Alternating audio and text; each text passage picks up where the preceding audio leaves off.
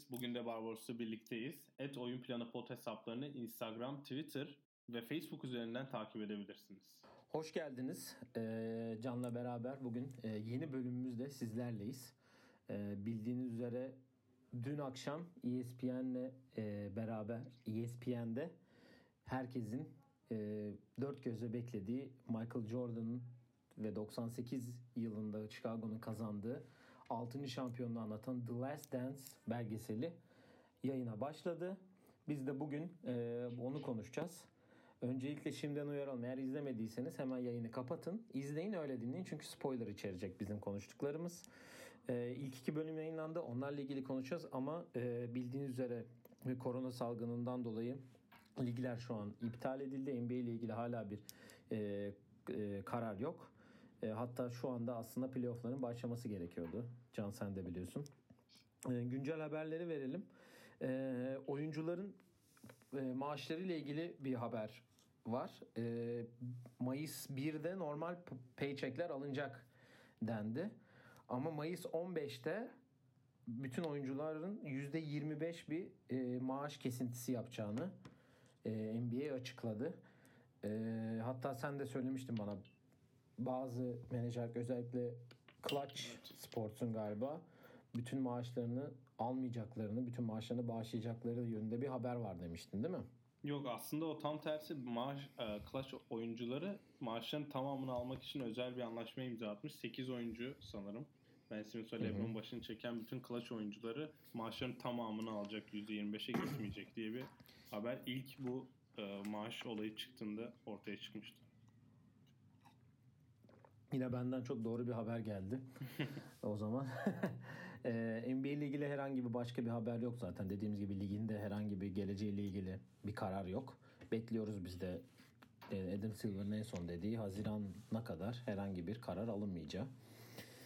Ee, bu arada Women NBA draftı gerçekleşti. İlk defa bir draft e, sanal ortamda yapıldı. Zoom'da ya da Zoom'da yapıldı galiba. Evet. Ee, bildiğiniz üzere New York Liberty Sabrina Oregon'dan Sabrina Ionescu'yu bir numaradan seçti. İkinci numaradan yine Sabrina'nın takım arkadaşı Satu Sabali Dallas Wings'e gitti. Ee, Baylor'ın dört numarası da Lauren Cox Indiana Fever'a gitti. Beklenen bir bir numaraydı zaten. Zaten Sabrina'ya o kadar hazırmış ki New York hani 20 dakikada formaları forma satışı bitmişti. Sold out olmuştu. Dallas'ın da bir Alman draft etmesi hepimizi eminim çok şaşırtmıştır. Kesinlikle. Ve e, bir gün önce de çok büyük bir takasa imza attı aslında. Hem New York Liberty, Dallas ve e, geçen senin şampiyonu Washington. Tina Charles ülkemize Galatasaray forması da giymişti. E, New York'ta oynuyordu. New York'tan e, şeye geçti. Washington'a. Washington'a geçti. Women NBA'de de artık bir super team e, şeyi başlıyor herhalde yavaş yavaş. Geçen sene biraz başlayan Las Vegas Aces'dan sonra bu sene Phoenix yaptı. Skylar Diggins'i aldı. Şimdi yine bir e, nasıl diyeyim geçen sene şampiyonu Washington'da Tina Charles'ı ekledi Ella Delado'nun yanına. Vallahi koç yavaş demiş yavaş. ülkemizden dedin sen Galatasaray'da oyun diye ülkemizin milli takımında forma giyen Lara Sanderson rolü bu takımda çok fazla. Tina Charles geldiğinde direkt ilk 5 başlayacağını zannetmesin tarzı birkaç açıklama var. O kadar. Evet. Yani işte yavaş yavaş Women NBA'de de Super Team olayına gidiliyor gibi gözüküyor. Evet şimdilik normal ve güncel haberlerimiz böyle. Dediğin program başında da bahsettik. Ee, önümüzdeki 6 bölüm pardon evet 6 bölüm yapacağız. Bununla ilgili çünkü bildiğiniz üzere her gün 2 her pazar akşamı canlı olarak 2 bölüm yayınlanıyor. The Last Dance belgeseliyle alakalı. Normalde ESPN'de yayınlanıyor ama ESPN'den izleyemeyen yani Türkiye'de olan insanlar için e, saat o, Türkiye saatiyle de pazartesi sabahları saat 10'da Netflix'e düşüyor direkt. Haberiniz olsun. Ben öyle izledim. Senin gibi şanslı değildim. ESPN'de izleyecek kadar. Ee, evet The Last Dance'e başlayalım o zaman. İlk bölümle başlayalım. Öncelikle şöyle ilk bölümle başlamayalım. Ee, sen nasıl buldun? Öncelikle istersen bir öyle bir giriş yapalım. Ben şimdi e, olmadan önce ESPN zaten inanılmaz biliyorsun. Hani gaza getirdiği insanları videoları paylaştılar ki ilk 5 dakikayı Sanırım herkes ESPN Twitter hesabından izlemiştir. Zaten Ben izlemedim. bunu. Kaçmasın diye. Ben de Heyecanla. Mike Wilbon'u gördüm E ESPN çalışanlarından bir tanesi. Onu görünce dedim şimdi izlemeyeyim zaten bu herhalde başıdır diye. Ee, Ben direktörle ilgili birkaç Bill Simmons'in podcastine katıldığında onu izledim, onu dinledim. Hani orada birkaç bilgi edinerek girdim aslında olaya. İşte ilk röportajın Michael Jordan'la yapılan ilk röportajın 3 saat olduğu, 2016 finallerinin son günde yapmaya karar verdiği. Evet o da çok değişik bir e, anekdot aslında. Evet. Bu kadar bekletip bekletip 2016'nın Cleveland'ın şampiyonluk e, parade'inde biz bunu yapıyoruz diye karar vermesi de akılda bir sürü şey getirdi. Yani 10. 10. bölümün şu an hazır olmadığı bilgilerini orada öğrendim ama şöyle bir şey olmuş asıl olay orada. Paranın büyük sıkıntı oldu. Çünkü herkes biliyor ki Michael Jordan olmazsa bu böyle belgeselin çekilmeyeceği ve Jordan'ın bütün olayı dikte edeceği ve onun üzerinden yürüyeceğini zaten herkes biliyor da Jordan'ı işte ikna etmek ve belli şeylere izin almak özellikle NBA'ye de belli bir para vermek zorunda kaldı yani ESPN ve Netflix. O yüzden bu bütçenin en az 30 milyon olduğunu söylüyorlar ki normal bence.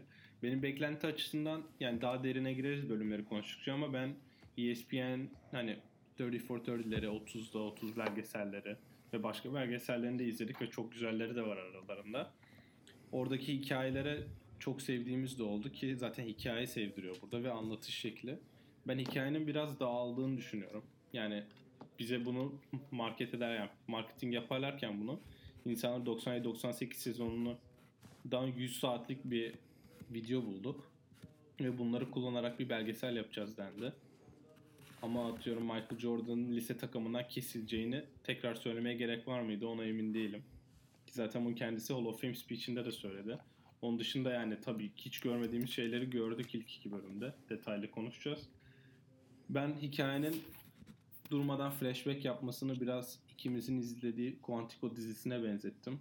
Bir süre eğer böyle devam ederse ben bir yerde insanların kopacağını düşünüyorum ki benim eşim izledi. Kendisi hem Chicago'lu hem de yani olaylara hakim ama flashback yaptıklarında bana mesaj attı işte. Biraz dağıldım ben şimdi nereye döndü diye. Çünkü yani ikinci bölümde o işte Scotty konuşurken bir an Jordan'a dönmeleri işte insanları biraz kafalarını karıştırdı diyebilirim. Ama onun dışında tabii ki çok sevdik yani. Yani giriş için aslında güzel bir başla yani giriş olmuş, başlangıç olmuş ilk bölüm anlamında.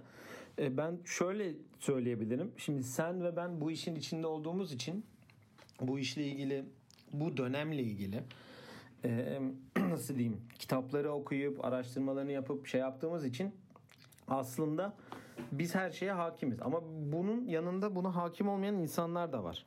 Yani nasıl diyeyim? Özellikle yeni jenerasyon e, nasıl yeni jenerasyon evet hani yeni basketbol yıldızlarıyla bir sürü starla büyüyen bunları şey olan insanlar için bu bir yani bunları göstermesi aslında bir nebze nasıl diyeyim normal geliyor bana. Benim kendi düşüncem bu. Ama flashbackler falan hani dediğin gibi e, mesela ikinci dediğim gibi ikinci bölümde Scottie Pippen'ı anlattığından bir an, bir anda eskiye dönüyor. Mesela ilk bölümde ben şöyle düşündüm. iki bölüm yapılmış diye. İlk bölüm bir Jordan episodu, ikinci bölüm bir Scottie Pippen episodu olarak gidiyordu. Zaten ilk bölüm Jordan episod, ikinci bölüm Scottie Pippen episodu olarak giderken bir anda kendimi ben de lise takımında buldum. Nasıl yani? İşte Jordan yani bölümle konuşacağız işte. Daha Jordan'la ilgili detaylar. Sonra tekrar Scottie'ye dönüp bir anda bölüm bitiyor. Ha evet şey gibi olmuş. Türk dizileri de de hani bir sonraki haftayı bekletmek için öyle bir son verir ya. Evet. Öyle bitmiş. Yani tabii ki çok güzel bir şey olmuş. Şimdi biz profesyonel yayıncı ya da bir şey olmadığımız için biz sadece normal kendi düşüncelerimizi e, burada sizlerle paylaşıyoruz. Ee, yani dediğin gibi 100 saatlik bir şey var. 40 45 dakika bölümler galiba. Evet. Öyle olması lazım. 45 çarpı ondan 450 saat var. Söyle Yani dakika. eminim 450 dak- dakika özür dilerim. eminim ileride çok daha fazla biz nasıl diyeyim görüntü göreceğiz ki burada da görmediğimiz görüntüler var. Ee, şimdi onunla istersen birinci bölümden başlayalım. Ee, birinci bölüm e, hemen zaten e, e, Chicago'nun ilk 5 şampiyonluğundan başlıyor ki direkt Michael Jordan çıkıyor işte ben işte buyum Michael Jordan'ım aralıksız Chicago'da şu kadar oynadım ve orada bir dediği şeye ben çok güldüm 18 aylık bir izine çıktım diyor. İnsanlar oradan direkt mesela ona ceza verildiğini kabul et hani ona ceza verildiğini söylüyor diye oradan mesajı alan insanlar var mesela. Aynen 18 e, aylık bir şeyden sonra tekrar geri döndüm diyor. Sonra Scottie Pippen çıkıyor aynı şekilde. Dennis Rodman aynı şekilde çıkıyor. Ve tabii Phil Jackson aynı şekilde çıkıyor. Burada e, Jordan'ın biraz daha e, North Carolina yıllarını anlatıyor. Ve tabii ki de burada en büyük ya aslında bu bölümün e, en can alıcı 3 noktası var bence. Bir tanesi o dönemin genel menajeri Jerry Krause ile Phil Jackson'ın çatışması. İkinci olarak 97'de e, pre-season'da Paris'e gidip oynadıkları bir turnuva var. Hı hı. E, üçüncü de e, üçüncü neydi bu arada? Ben üç dedim ama ikiymiş. Orada işte çaylak serisi. ha, evet şey. North Carolina aynen. North Carolina'da oynadığı ve tabii ki çaylak yılın çaylağı seçildiği e, ilk senesi var Jordan'ın. İstersen Jerry Krause ve Phil Jackson e, özelinde başlayalım bu bölümü değerlendirmeye. Senin düşüncelerin ne ilk bölüm hakkında? Yani sen dedin hani biz hani hem bu işe çok bağlı olduğumuz için, hep araştırma yaptığımız ve okuduğumuz için ben Phil Jackson'ın yazdığı 11 Yüzük kitabını okumuştum daha önce. Şimdi çok yakın bir dönemde, iki ay önce bitirdim tekrardan okuyup. Yani bu ana kadar o Kraus'un yaptıklarının hepsi mesela o kitapta da yer alıyordu. O yüzden hani izlerken hani yeni bir bilgi anlamında çok şey görmedik ama mesela bence orada en önemli sahne ee, Jordan'a hani soruyorlar sanırım antrenman sahasında burada hani size kim durdurabilir tarzı bir soru soruyor. O da bilmiyorum deyip yukarı Jerry Krause'un ofisine bakıyor mesela. Bence o çok güzel bir anekdottu. Hani bizim beklediğimiz Hı-hı. görüntüler öyle şeyler. Yani 97 şampiyon yani 97'de şampiyon olduktan sonraki ilk idmanda oluyor bu arada evet. bu da. Çünkü zaten orada da konuşuluyor yani 82-0 olsam bile biz seni bu takım bunun son senesi. Aynen öyle ve hani kızı evlenirken Chicago Bulls'la ilgili herkesi davet edip Phil Jackson etmiyor ve o zamanki Iowa State'in koçu Tim Floyd'u davet ediyor ki onunla da bir balıkçılığa balık tutmaya çıkmışlığı varken insanlar zaten artık anlıyor onun Phil Jackson yerine geleceğini. Benim burada küçük bir dipnot demek istediğim hani Jerry Krause'u çok gömeceğiz ki onlar da gömdü ama hani bence 2017'de e, vefat eden birinin arkasından bu kadar fazla sanki yükü biraz fazla ona atılmış gibi hissediyorum ben. Tamam cidden çok hataları var, yaptığı şeyler var. Bu Dynasty'nin bozulmasında çok büyük rolü var ama sağ, hani onların da Jerry Reinsdorf'un da biraz fazla yüklendiğini düşünüyorum kendisine ki hani Michael'la Joe, Michael'la Scari'nin yaptıkları zaten görürsünüz siz izlediğinizde. Evet çok ciddi şekilde özellikle ikinci Scottie Pippen bölümünde çok ciddi şekilde böyle bir mob mobbing var yani hani ya burada zaten otobüste ama yaptıkları yapan, falan otobüste, onlar hepsi aynen. yazıyor zaten Phil Jackson kitaplarında ki Scully'nin hani oraya geldiğimizde de göreceğiz. Ondan önce o Paris'teki turnuvada kupayı kazandıklarında Michael Jordan'ın Jerry kupayı görmesin, Phil sen kendi evinde tut falan demesi de yani çok ince mesajlar içeriyor bence. Hı hı. Ya işte sen de Jerry Krause Phil Jackson'ın e, arasındaki e, çatışma diyeyim. E, 97 şampiyonluğu hemen sonra başlıyor ki e, sonra o dönemin e, Chicago Bulls owner'ı Jerry şey e, neydi adamın adı? Reinsdorf. Reinsdorf Phil Jackson'ın yanına uçuyor ve onunla bir görüşüp rica minnet mi diyelim artık neyse Phil Jackson'ı tekrar takım başına getiriyor. Phil Jackson da e, ya Jerry Krause da Phil Jackson'ın ofisine girip ne olursa olsun bu senin buradaki son sezonun diyor. Bunun üstüne e, sezon başındaki idmandan önce bir toplantı yapacak e, Chicago. Ve hani hatası da şöyle diyeyim bölümün yani e, belgeselin adının da çıktığı yer burası olacak herhalde ki hı hı. E, herkes bütün oyuncuları toplayıp ellerine bir dosya kağıdı verip e, dosya kağıdının üstünde The Last Dance yazıyor. Çünkü evet. her sezonu Phil Jackson'ın bir ismi vardır, bir özel bir şey vardır. Ee, bunda Phil Jackson iyi iyi tanıyanlar bilir. The Last Dance olduğu söyleniyor. Ee, ve sonra da Jordan'ın hem North Carolina yıllarına geçiyor. o dönemin e, North Carolina antrenörü Dean Smith tabii ki Jordan'dan çok etkilenir. Ve şu anda e, North Carolina'nın head coachluğunu yapan e, şey Roy Williams. neydi? Roy Williams. O ben isimler bugün full gidiyor Evet. farkındaysan. Roy Williams e, bu durumda çok fazla konuşuyor. Çok fazla röportaj veriyor şu bu bölümde. Ve tabii ki benim de ya belki biliyordum ya da unutmuşumdur ya da bilmiyordum. James Worthy o dönemde takım arkadaşı. Bu bölümde çok konuşuyorlar ve aynı zamanda o da arkadaşı da Jordan'ın bu bölümde yer alıyor. Peki Ee, sence o kadar ilgili- derin anlatmaya gerek var mıydı? North Carolina'daki maçı mesela ya da o hayatını anlatmaya gerek var mıydı sence? Ya şöyle e, aslında vardı. Çünkü orada da vermek istedikleri şey Mike'tan nasıl Michael'a geldiği hani. Çünkü kariyerinin en önemli maçlarından biri. Georgetown'a karşı oynuyorsunuz. Ha bu arada Patrick Ewing de o dönemde Georgetown'un en iyi oyuncularından biri. O da çıkıp konuşuyor maçla hakkında. Ya o maçı bir yerde yani en başta eğer bu bir Jordan episoduysa eğer bunu vermek zorunda diye düşünüyorum. O normal. İşte yani burada çok rahattı işte diyor o da arkadaşı. Ve devam ediyordu ki NBA'ye draft oluyor sonra. Tabi Hakim Olajuwon, Clyde Drexler'dan sonra 3. sıradan NBA draft oluyor Jordan.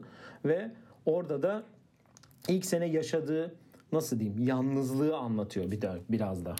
Çünkü e, diğer takım arkadaşlarının her deplasmanda partilediğinden bahsediyor yani. Yani mesela kolej- orada Dean Smith'in 3. senesinden sonra Michael'a senin NBA'ye gitmen lazım demesi şu an çoğu kolej koçun yapmayacağı şeyler ki Kalipari artık bununla biliniyor. Hani oyuncuları direkt erken yollamayla. Yani Dean Smith özellikle o dönemde 4. sezona Michael'a geri gel bir daha şampiyon oluruz demek yerine onu NBA'ye gönderiyor. Ki zaten en, en çok sevilen kolej koçlarından bir tanesidir Dean Smith. Bu arada İdman'da da onun dört köşeli hücum ofensinde görmüş olduk o da. Bir dipnot Evet. olarak geçeyim. Başka bir dipnot da ben bölümün en başlarında Michael Jordan'la 1997'de yapılan bir röportajdan sonra rebuild olmak hakkında ne düşünüyorsunuz diyor. Michael Jordan da cevap olarak benim canımı acıtan Chicago Cubs 42 yıldır rebuildingine devam ediyor. Onlar Oha. kazanıyor mu diye bir soru soruyor. Orada Çok iyi bir cevap bu arada. Herkes üz- zaten. Evet canımızı üzdü. Ama 19 yıl sonra biz yüzüğümüzü aldık diyelim. Ee, ben kolej hakkında hani ben çok detaya girildiğini zaten hani ondan sordum sence. Bu kadar girilmeli miydi diye. Yani şampiyon onu da freshman senesine kazandığını hatırlatmış olalım yani. Sonraki iki Zaten sene kolejde kazanamıyor. İki seneden aynen onlardan bahsetmiyor bile. Sadece Evet. oyuncu olarak geliştiğinden daha fazla şeyinden bahsediyor ki orada da şöyle bir durum oldu. Ee, drafttan sonra kim dedi hatırlamıyorum. Jerry Krause mu? Galiba owner söyledi. Reinsdorf. Ee, olimpiyatların drafttan sonra olması bizim işimize yaradı dedi. Evet takım sahibi söyledi. Reinsdorf dedi. takım sahibi şey Reinsdorf söyledi ki o da ki altın alıyorlar o senede. Los Angeles Olimpiyatlarında altın madalya alan takımın en önemli oyuncularından biri Jordan'da ki zaten sonraki senede yılın çaylağı seçiliyor ki e, kendisiyle ilgili dediği ben bu kısma şöyle bir nokta koyayım. Benim söyleyeceklerim bitiyor bu şeyle alakalı kolej yıllarıyla e, ve rookie senesiyle. E, benim bu takımın oyuncusu olduğumu Üçüncü maçta anladılar diyor. Bu takımın asıl oyuncusu olduğumu. Üçüncü maçta Golden State'e karşı oynadığı maçtan sonra anlamışlar. Bunu söylüyor sadece. Ve o çok değişik gelmişti bana hani sonuçta çıkıyorsun böyle bir hani e, kolejde mu- muazzam işler yapmışsın ve geleceğisin bu takımın ve üçüncü maçta ancak kendini kabul ettirebiliyorsun. Normalde hani biz LeBron 2003'te çıktığı ilk maçta evet kaybettiler belki Sacramento'yu ama hemen o zamandan belli etmişti bazı şeyleri ya da başka oyuncular. Ya benim Senin bu kolej ve çaylak senesi hakkında söylemek istediğin bir şey yoksa 97'deki Paris turuna geçelim. Ya benim kısa bir şey daha söyleyeceğim. Bob Knight bu da Oli- 84 olimpiyatlarında takımın koçu. Kendisi Hı hı. de efsane kolej basketbollarından biridir. Özellikle ben şeyde Lyon hemen bakıyorum tekrardan. Bu 84 olimpiyat takımında bu küçük bir bilgi. Şu an hala NBA'de hakemlik yapan Leon Wood var. Orada hani Hı hı. resimde vardı kendisi Jordan takım arkadaşı olarak. Çaylak senesinde de o parti muhabbetine ben de dikkat çektim. İnsanlar her yerde buna inanmamızı beklemiyor herhalde tarzı şeyler yazmışlardı. Yani ilk senesi anlamında inanabilir. Zaten şöyle bir şey diyor. e, her yerde içki e, ve esrar vardı diyor. Ben o dönem içki içmiyordum diyor zaten. aynen bu arada, yanında da viskisi var bu arada. Da, aynen. Röportajda da yanında pro ve viskisi var duruyor yanında hani. Gözler de kıpkırmızı bu arada bilmiyorum dikkat ettin mi ama.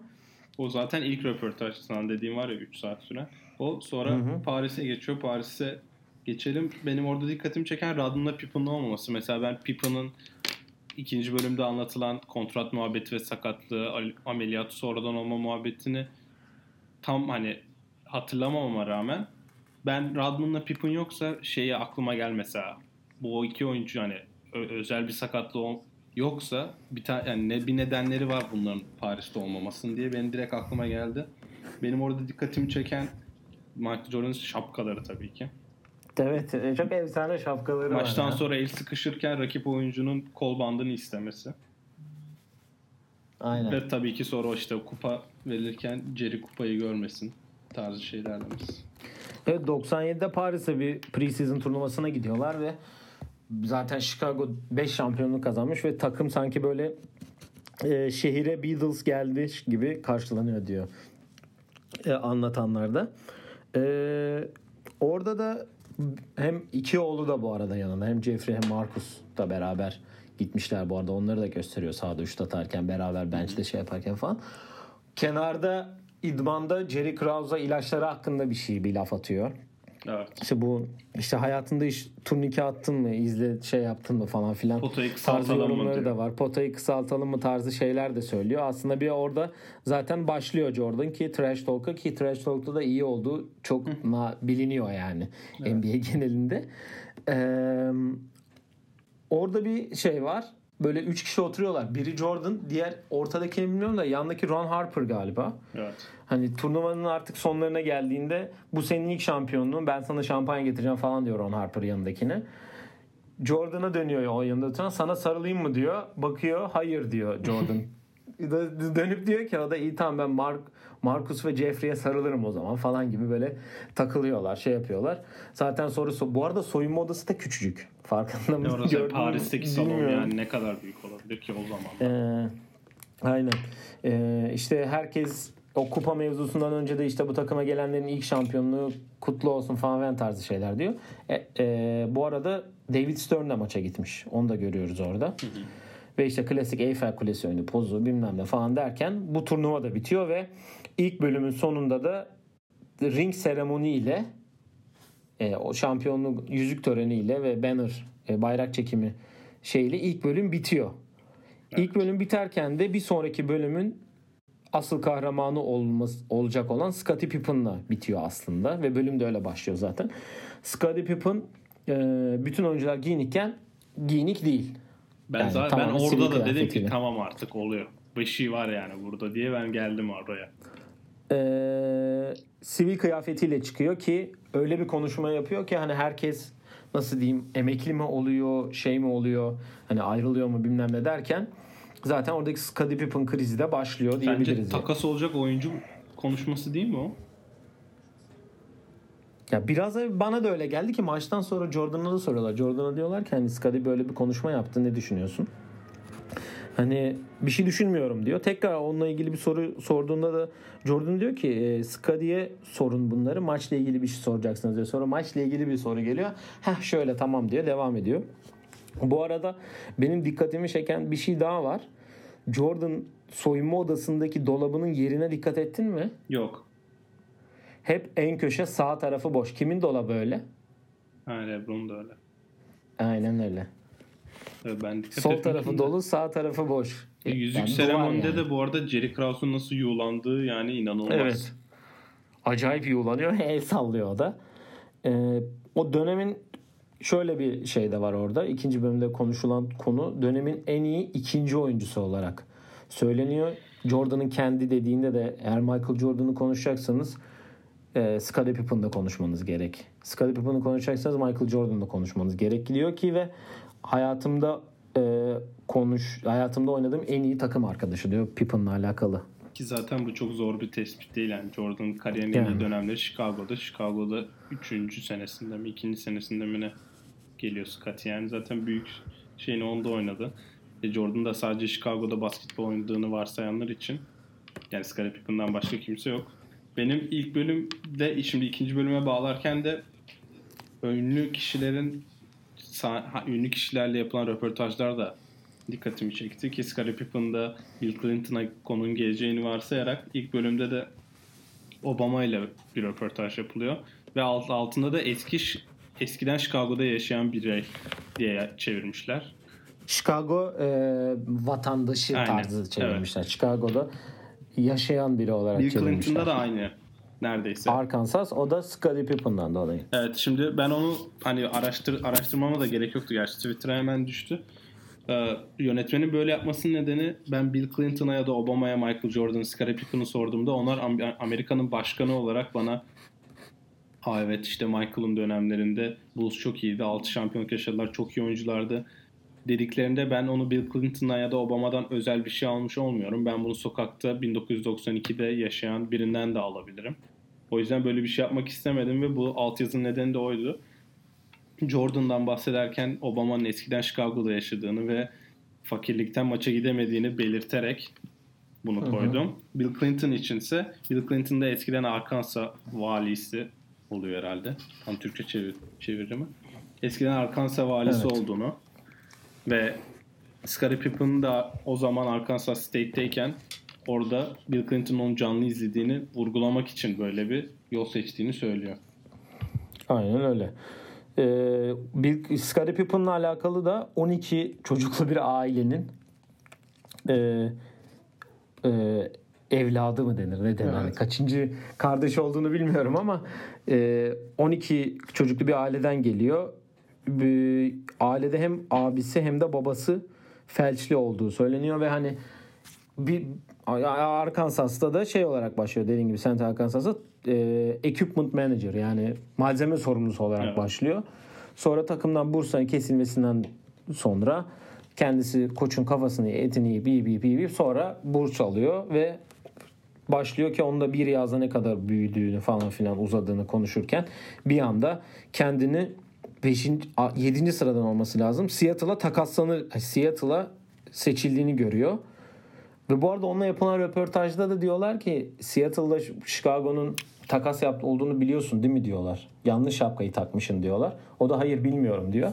Jerry Krause da bunu bir gece önce yapmış ki aynı basın toplantısında hem Horace Grant'i hem Scottie Pippen'ı açıklıyor aynı drafttan. Draft olurken dikkat ettin mi Scott Pippen diyorlar. Hı hı. İşte bu Mike'tan Michael'a evet. geçiş, Scott'tan Scottie'ye geçiş gibi bir şey. Ee, ya bu bölümde Pippen'la alakalı en önemli iki şey var. Biri e, kontrat ve para sıkıntısından dolayı bir holdout yapıp yani oynamayıp protesto mu denir artık nasıl evet, çevirebilirsek. E, bu yüzden ameliyatını normalde yazın olması gerekir. Çünkü bir sene önce playoffların doğu finalinde ayağından bir sakatlık geçiriyor. Tendonu kopmuş ayak bileğinden. Bunu normalde sezon bittikten sonra ameliyatını olup bütün yazı rehab'le geçirip sonraki sezona başlaması beklenirken Pippen'ın kendi dediği şey ben niye bir bu kadar az para aldım bir yerde neden yazımı mahvedeyim ki? Ben de sezon ortası sezon başı oldum ki sezonda rehab olarak geçireyim. Jordan bunu bencillikle suçluyor bu arada. Yani, yani bencil suçluyor demeyeyim de hani bencil olduğunu düşündüğünü söylüyor. 33 milyon 33 milyon dolar oynayan birinin 2.4 milyon dolara bencillemesi bence biraz değişik bir. Yani evet orada oldu. da o kontrat çok enteresan. 7 yıla 18 milyon dolarlık bir kontrat imzalıyor Scottie Pippen ve hani nasıl diyeyim bu kadar uzun kontrata bu kadar az para alma zaten o dönemde Chicago'da en fazla para alan 6. kişi NBA'de de 122. kişi. Evet. Bunun da çok üstünde lazım. duruyorlar. Çünkü Scottie Pippen 91'de bunu imzalarken takım sahibi Jerry Reinsdorf bunu imzalama demiş ki o biraz bana da yalan geldi. Ve orada o dönem hatırla yeni CBA'de tabii yok da uzun dönemli sözleşmeleri imza atabiliyorsun. Shaq da Lakers'a gitti 7'ye 120 mi ne almıştı. Hı hı. Scarin'in de bunu imzalamasının en büyük nedeni kendisinin işte fakir bir aileden geldiğini ve geleceğini garanti altına almak istediğini o yüzden hani ailesine de baktığını aynen, aynı parasına zamanda. çok dikkat etmeden en azından uzun süre kontratımız olsun diye baktığını ve ben bundan sonra Twitter'da da bu Early Bird Rights diye bir internet sitesi var bu siteleri işlerine çok dikkat eden. Onun bir araştırmasını gördüm. her, her an opt-out yapıp çıkma diye bir şansı yokmuş ama 95-96'dan sonra opt-out yapıp yeni bir sözleşme imzalama şansı varmış. Ama şeyde kabul etmemiş bunu. e, Chicago yönetiminde bunu kabul etmemiş. Yani beyzbol sözleşmeleri öyledir şu anki. Ona benzettim ona. 7 yıllık sözleşme çok enteresan geldi bana. Ee, buradan bahsederken e, bölümde bir anda Jordan'ın lise yıllarına geçiyor konu. Evet. Ama bir bağlama noktası var hani. Çünkü şöyle daha doğrusu Scottie Pippen olmadığı sürece Chicago düşüşe geçiyor ve Jordan her bunda benim bir sorumluluk almam gerekti diyor. Ve takım arkadaşlarına hem idmanda hem maçlarda çok ciddi şekilde bağırışlar, sert e, konuşmalar falan yapıyor ki orada da bazı görüntüler var. Ki Hani bunun çok hem- daha fazlası gelecekmiş. O görüntülerin aynen. çok fazlası olacakmış önümüzdeki bölümlerde. Yani baya hani şey vardır. E, Kobe'nin bir Lakers idmanında insanlara işte bayağı laf ettiği, bayağı çiçeği küfür anlamında. Heh, aynen öyle. Onun bir bölümünü gösteriyorlar. Bu da çünkü bir tepki vermek lazımdı diyor burada. O da bu tepkiyi rekabetçilik kaybetmeme şeyinden dolayı e, bırakmama durumdan dolayı Jordan'ın lise yılına dönüyor. Lisede işte kesildiğini takımdan sonraki sene alındığını falan onları anlatıyor. Ve Jordan'ın ikinci senesindeki o e, sakatlığına geliyor konu.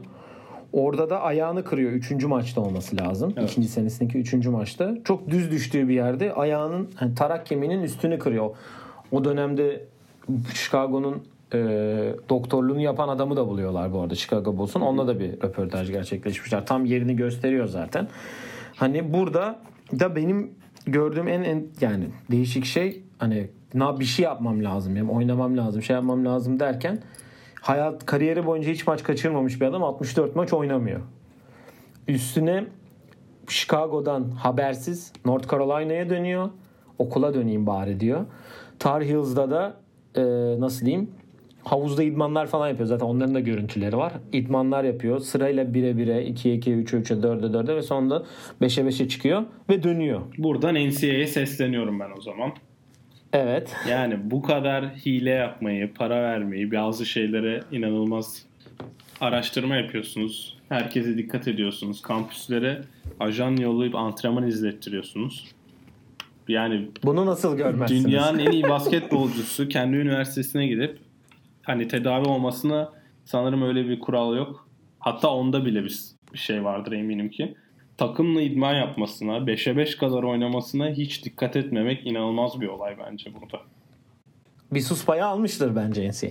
Yani bu şu an olsa var ya dünya durur ya herhalde. Gerçi yani Sadece yakalanmama ihtimalleri yok zaten de. Çünkü Chicago Sadece bile bu konuşulur. aynen yani. öyle. Chicago bile Jordan onlara söylediği için öğreniyor böyle bir şey olduğunu. Ki yani Aynen ben öyle. Yoksa haberleri yok yani. Tedavi olurken takımla birlikte olmayıp tamamen başka bir şehirde olmak zaten inanılmaz bir detay gibi geldi bana.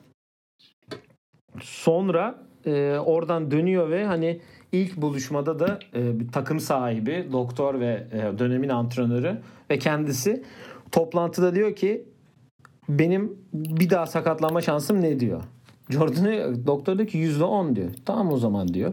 Orada da çok güzel bir anekdot var. Hani owner diyor ki sana diyor başın ağrı başın ağrıdığı zaman diyor 9 tane iyileştirecek e, ilaç varken bir de bir tane ölümcül bir ilaç varken hangisini almayı tercih edersin diye sor, sordum diyor. Jordan'ın cevabı o e, kaf- başımın ne kadar ağrıdığıyla alakalı tarzı bir cevabı var. O da çok güzel bir anekdot orada.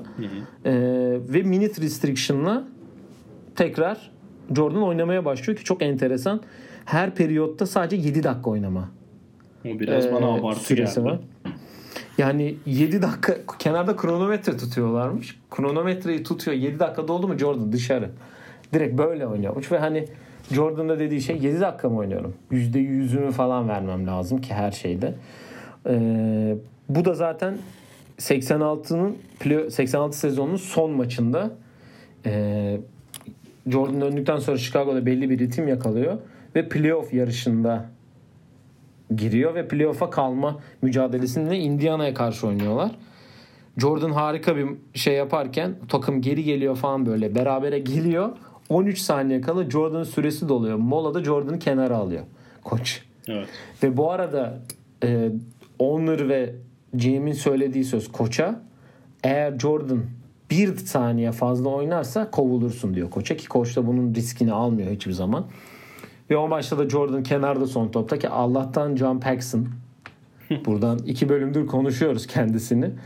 Ee, sokuyor ve playoff'a kalıyorlar ki 30 galibiyete playoff'a kalıyorlar. İnanabiliyor musun? Ve belgeselin yaptığı ilk hatayla da karşılaşmış oluyoruz. Ee, Chicago Bulls'un 30 galibiyet aldığı NBA standings'ini yani durumu gösterirken, puan tablosunu gösterirken oraya Wizards yazmışlar. O zaman Wizards değil o takım adı Washington Bullets. Bunu herkes olduğu an yazdı. Ben dedim ulan Wizards var mıydı o zaman diye. 30 Allah, galibiyet bak olmasının nedeni NBA'in e, 24 takım olması sanırım o dönem. Yine 82 Yani maç birinci- oynanmasına rağmen. Yani 30-52 ile 8'den playoff'a giriyorlar Doğu'da. Doğu o zaman bile böyleymiş düşün. Hep konuştuk bugün bu sene Doğu'yu. Ee, o dönemde 67-15 ile bitiren Celtics'le eşleşiyorlar. Ve o da hakikaten muazzam bir takım yani. E, Yani NBA tarihinin en Bill çok Walton. sevilen takımlarından biridir o da. Aynen. Bu, bir- e, Walton, Larry Bird, Dennis Johnson, e, Kevin McHale. Yani biz Rick Carlisle da var. Onunla ilgili de şöyle bir madem Rick Carlisle dedik. e, 86 playoff'un ilk maçında Boston Garden'a Jordan 49 sayı atıyor. Ve onu savunan kişi de Rick Carlisle. Evet. Jalen Brunson bir tweet atmış dün akşam. Come on coach yazıyor. Hani hadi ama koç yani Çünkü falan spiker diye. de diyor ki Jordan tutamıyorlar. Rick Carlisle'ın arayıp ağlayıp annesini araması lazım diye bir yorumu var spikerin de maç esnasında. Yani acayip bir şekilde ilk maç 49 sayı atıyor ama yine tabii ki Boston kazanıyor maçı. İkinci maça ikinci maçtan önce Danny Ainge şu an e, Boston'ın genel menajerliğini yapan Ainge dönemin oyuncularından birkaç biri daha var galiba. Ben o adamı bilmiyorum. O- reporter ya, galiba. ya, evet reporter. Boston reporterlarından biriyle Danny Jordan biri daha var. Dördüncü kişiyi hatırlamıyorum. Golf oynamaya gidiyorlar maçtan bir gün önce. Ve Jordan da o kadar kötü oynuyor ki o golfte. İşte Danny zaten dediği şey yani işte bu Jordan'ın gamble, gamble hani kumarla alakalı ne kadar sorunu olduğunu biliyoruz. Ee, Jordan'dan o gün çok fazla para aldım diyor. Hani iddiaya girip parasını almış ki birkaç görüntü gösteriyorlar orada beraber golf oynarken. Yani boş topu atamıyor yani. Yani sen kolaymış ki ben de yorum Evet. yapıyorum ama boş topu atamıyor abi yani. Biz de onu atamıyorsan ne farkın var benden yani. Ee, oradan sonra e, deneyince evine bırakıyor ve o reporter'a dönüp diyor ki arkadaşın DJ'ye söyle yarın ona özel bir şey vereceğim diyor. Ve 63 sayı attığı o muazzam maça geliyor. Evet. Yani Bird'ün o gün Jordan'ın tanrı kılığına girdiği o meşhur laf vardır. Onu söylediği maç. O da hatta Ama tabii hiçbir şey değişmiyor. Aynen ama hiçbir şey değişmiyor tabii. Boston e, Chicago'yu yine yenip uzatmada. Boston turu geçiyor ve sonrası da zaten e, ilerliyorlar.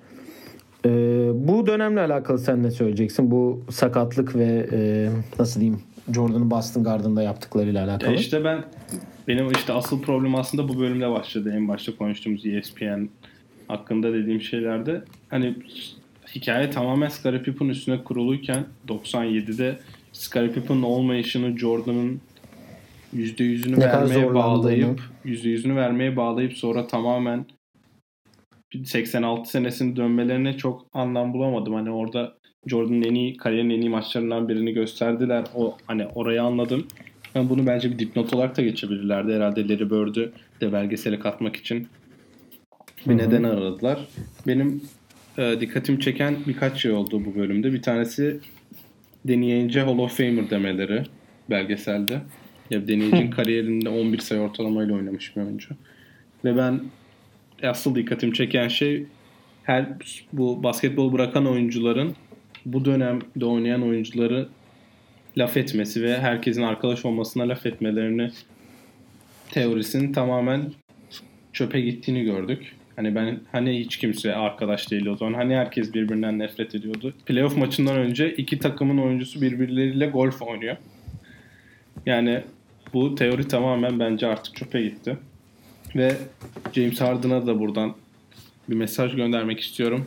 oynadığın basketbola devam et. Her zaman foul aldırmaya, foul atmaya devam et. Çünkü Michael Jordan da 63 sayı attığı maçta 18 kere foul attı. Sen kendin olmaya devam et diyorum. Ve hiç üçlük dağıtmamış. Evet, iki maçta maç. da hiç üçlük denemiyor ve iki maçta da maç kaybetmelerine rağmen maçın oyuncusu seçiliyor. Ya toplam kaç sayı? 112 sayı atıyorsun hiç üçlük atmadan. Nasıl? Ama zaten Benim 2K'deki adam bile iki maçta o kadar atıyor yani. Ama yani yarısını üçlükle atıyor. peki yani. spacing nasıl o dönemde? Çok değişik bir basketbol var ya. Ya herkes Çok üçünün üç acayip. adım içinde oynuyor en az. Bir kişi dış, bir kişi dışarıda o da topu getiren adam. Zaten hani dışarıdan şut çok az atılıyor yani. Evet. Hani hiçe yakın. Ee, bu bölümde Jordan'ın ailesiyle alakalı da hem babasının söylediği birkaç şey var. Annesi var. Ee, annesiyle alakalı. Peki annesi niye Michael abisi. Jordan'dan genç?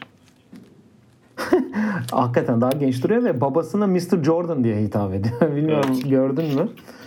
Ee, babasının bu bölümde söylediği bir şey var. Ben de Twitter'dan zaten kendim de paylaştım. Chicago Bulls'un kendi hesabı da paylaştı. Jordan'ın yani Michael'ın içindeki en iyi çıkarmak istiyorsanız dedi ona ya biriyle karşılaştırın ya da ona yapamayacağını söyleyin diye bir lafı var ki bu onu en iyi anlatan cümlelerden bir tanesi bence.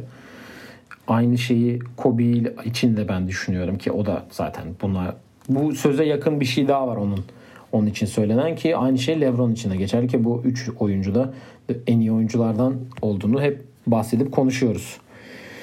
Ee, bu bölümde zaten sonlarına doğru da Pippen'ın e, nasıl Jerry Krause'a mobbing yaptığı, e, otobüste istediği. neler neler söylediğini, takas istediği, benim Chicago'daki hayatım bitti burada daha fazla oynayamayacağım dediği bölüme geçiyor sıra.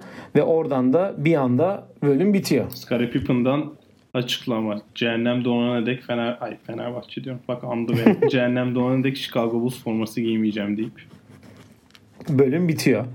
Ee, önümüzdeki bölümle alakalı e, 3. ve 4. bölüm haftaya pazar günü yayınlanacak. Onunla alakalı bir trailer tarzı bir şey gördüm hani ESPN'in Instagram hesabında. Ee, büyük ihtimal Deniz Rodman'la alakalı olacak. Evet. Çünkü o da en önemli 3. oyuncu o dönemde. Bad Boys'a bağlayacaklar oradan. Büyük ihtimal 3-4 bölüm 3. ve 4. bölüm öyle olacak Yok, diye düşünüyorum öyle. ben. Kesin mi? Evet önümüzdeki... Kim? Direktör aradı seni Yok galiba. Biliyorsun ESPN'de kesinliğine Scott göre. Van Pelt hemen çıktı dün yayında. Yani hı. bitti bölüm. İşte özel yayın yaparken bölümle ilgili önümüzdeki bölüm Dennis Rodman ve hani Bad Boys'u önce Bad Boys'a bağlayacaklar. Dennis Rodman Hı hı. oradaydı. Sonra bize geldi. Bizi şampiyon yaptıktan Dennis Rodman bölümü olacak diye kendisi söyledi. Yani o trailer'da da şöyle bir şey var. Jordan söylüyor ve bu arada aynı şeyi hem Pippen'a hem Dennis Rodman'a da bu söylediği şeyi dinletiyorlar telefonla da. Diyor ki Scotty geldiğinde Deniz benim tatile gitmeye ihtiyacım var dediğini söylemiş Phil Jackson. Bunu Jordan'a söylüyor ofiste. Jordan'a dediği şey burada tatil yapması gereken biri varsa o da benim demiş cevap olarak da. Böyle bir anekdot var. Ee, benim sana sorularım var. Evet. Eğer senin de bittiyse iki bölümle alakalı Evet. gelecek bölümle alakalı dediklerim. Birinci soru e, belgeselin bir kısmında Kobe röportajı görür müyüz? Ya ben yani burada kendi fikrimi belirtmek çok isterdim ama bununla da ilgili ben bir yazı gördüm. Direktör çıkıp çok açıklama yaptığı için. Ee, helikopter kazası olmadan önce Kobe'nin tam bir hafta önce direktör Kobe ile oturup bir röportaj yapmış ve belgeselin ilerideki bölümlerinde kullanılacağını söyleniyor. Peki LeBron'u görür müyüz? Sanmıyorum ben LeBron'un hiçbir bağlantısı yok çünkü. Ya çünkü çok fazla e, Ya Wade Fazla çıktı mı sizde yapmıyor. bilmiyorum. Sizde Wade var mıydı Netflix'te? Wade çıkmadı hayır. O zaman bizde Wade vardı. var mıydı? Yok reklam dönüşü mesela küçük bir ane- küçük anekdotlar vardı. Mesela Common var mıydı sizde? Yoktu değil mi? Kam'ın da çıkmadı hayır. Mesela Common'la Dwayne Wade reklam dönüşü böyle kendilerinin Jordan'la ilgili olan bir küçük anısını anlatıp hani öyle bağladılar. Demek ki sizde yoksa Allah mesela LeBron öyle bir yerde olabilir. Olursa da herhalde Netflix'te olmaz umarım. Çok enteresan bak. Herhalde reklam şeyinden dolayı. Evet. Ee, diğer sorum e, yani şu an çok özel bir basketbol jenerasyonu var. Biz de izliyoruz buna tanıklık ediyoruz. Daha öncesine de Kobe Shaq dönemine de tanıklık ettik diyebiliriz. Ee, sen bu dönemde kalmayı mı tercih ederdin? Yoksa o dönemin yıldızlarını, o dönemin basketbolunu mu izlemeyi tercih ederdin? o dönem basketbolu iz- seyir açısından şu ankine alıştıktan sonra izlemek biraz sıkıntı. ESPN'in o Kobe için yaptığı özel detail bölümüne Phil Jackson katılıp 98 finallerinin 3. maçını anlatıyor. 35 sayılenlikleri. Hani spacing cidden dediğimiz gibi posta iki kişi var. Herkes üçlüğün iki adım içinde. Ama ben o dönemki oyuncuların bu dönemde neler yapabileceğini merak ediyorum. Yani Jordan'ı izledikçe acaba şimdi nasıl olur diye düşünmeden edemiyorsun. Ama yani ben uzun oraya zaten draft olduğunda da herkes söylüyor. Hatta kime söylüyorlar unuttum. Jordan Jordan 2-10 değil hiçbir takımı tek başına daha iyi yapamaz diye bir Walt Frazier. Walt Frazier diyor. Aynen. Onu diyor. Hani o zaman basketbol öyle biz onu oradan nerelere geldi. Yani şu an hani Steph Curry'e kadar inen bir Kısaların şey var. yönettiği, kısaların hükmettiği bir basketbol. Evet. O yüzden hani Yani sen bu dönemde kalmayı mı tercih ediyorsun? şu anki dönemi ben daha tercih ediyorum. Yani kısa oynadığın için sen Evet. guard tabii zamanında. O yüzden bunu tercih ediyorsun. Peki gelmiş geçmiş en iyi e, layup package Jordan'da mı? Evet yani eskiden İnanılmaz yani turnikeler yok mu peki? sakatlanmadan önce her şey smaçlıyormuş zaten. Hani biraz Oğlum inanılmaz Blake smaçlar gibi. Smaç, şamp smaç şampiyonluğu da var tabii ki de o da ama olan. yani o kadar yani çok estetik ya. Evet ben birazdan bir daha izleyeceğim bu arada babamlarla. Ya ben de Kendisi tekrar de, izlemeyi ta- beraber düşünüyorum izlerim. çünkü hani bazı şeyler hani çok ilk izlerinde dikkat etmediğim detaylar var. Benim öğrendiğim birkaç şey var. Onu onları söyleyeyim. Tabii en başta öğrendiğimiz şey Chicago ay Chicago diyorum. Charlotte Hornets'in niye hiçbir zaman ta- tanking yapamadığını ve niye her zaman playoff zorladığını öğrenmiş olduk. Evet. Çünkü Jordan hiçbir zaman tanking yapmak istemiyor. Benim aslında çok beklediğim ama olmayacağını öğrendiğim için üzüldüğüm biri var. World Wide West diye tanıdığımız Chicago'nun nasıl diyeyim underground'unda çok tanınan ve hani Chicago'da herkesi tanımasıyla ünlü ve Jordan o dönemdeyken Chicago'ya herkesin hani nasıl diyeyim taptığı bir kişilik. Özellikle siyahi komünitelerde hani bütün rapçilerin tanıdığı, bütün organiz yani entertainment dünyasının bir numaralı adamıydı World Wide West'i. Direktörle konuşmuş. Direktör demiş ki hani senin en büyük özelliğin insanların seni tanımaması. Tanımamasını geçtim. Hani senin çok çıkıp konuşmaman ve benzeri şeyler. O yüzden ben seni almak istemiyorum ki hani senin o özelliğin gitmesin diye demiş. O da tamam demiş ama ben keşke olsaydı diyorum çünkü onda çok değişik hikayeler vardır. En azından birkaç tanesini dinleme şansı bulurduk. Ee, Steve Kerr'ün bir açıklaması var yani bence çok minik bir şey ama hani Michael Jordan'ın farkını gösteriyor. Sizin takımınızı unique yapan şey nedir diye soruyorlar. Biz, bizde Michael Jordan var diye bir açıklaması var. Orada hani Michael'ın farkını zaten yavaş yavaş daha fazla göreceğimize inanıyorum. Ve ben şimdi not aldığım kişiler arasında Ahmad Raşad'ı yazmışım. Ahmad Raşad'sız bir olmaz. Michael Jordan düşünemediğimiz için onu da not olarak geçmek isterim. Evet. Ee, ilk iki bölüm The Last Dance yani Son Dans e, belgeselindeki ilk iki bölüm böyleydi. Bütün oyuncuların da hype'landığını gördük Twitter'da. Onda e, Twitter'lı hesaplarından görebilirsiniz onların. Benim minik bir Ee, sorum var sana. Şimdi Hı önümüzdeki bölümün Radman olduğunu biliyoruz. Sen ba- başka ne görmek istiyorsun? E, footage tabii ki görmek istiyorum yani hani e, Jordan Rules'dan bahsedecekler büyük ihtimal. Evet. Ve hani ben burada en merak ettiğim konu Jordan'ın Isaiah Thomas'ın o sahadan çıkıp gittiği deki düşüncelerini çok merak ediyorum. Çünkü Isaiah Thomas gibi bir guardla oynamayı ne kadar istediğini ben tahmin edebiliyorum Jordan'ın. 92'de olimpiyatlara gitmemeleri, gidip gidememesini. Kesin oraya da gelecek konu bu arada Evet, Dream evet. Team'e. Ee, orada yani o Isaiah Thomas'la ilgili düşüncesini merak ediyorum sadece.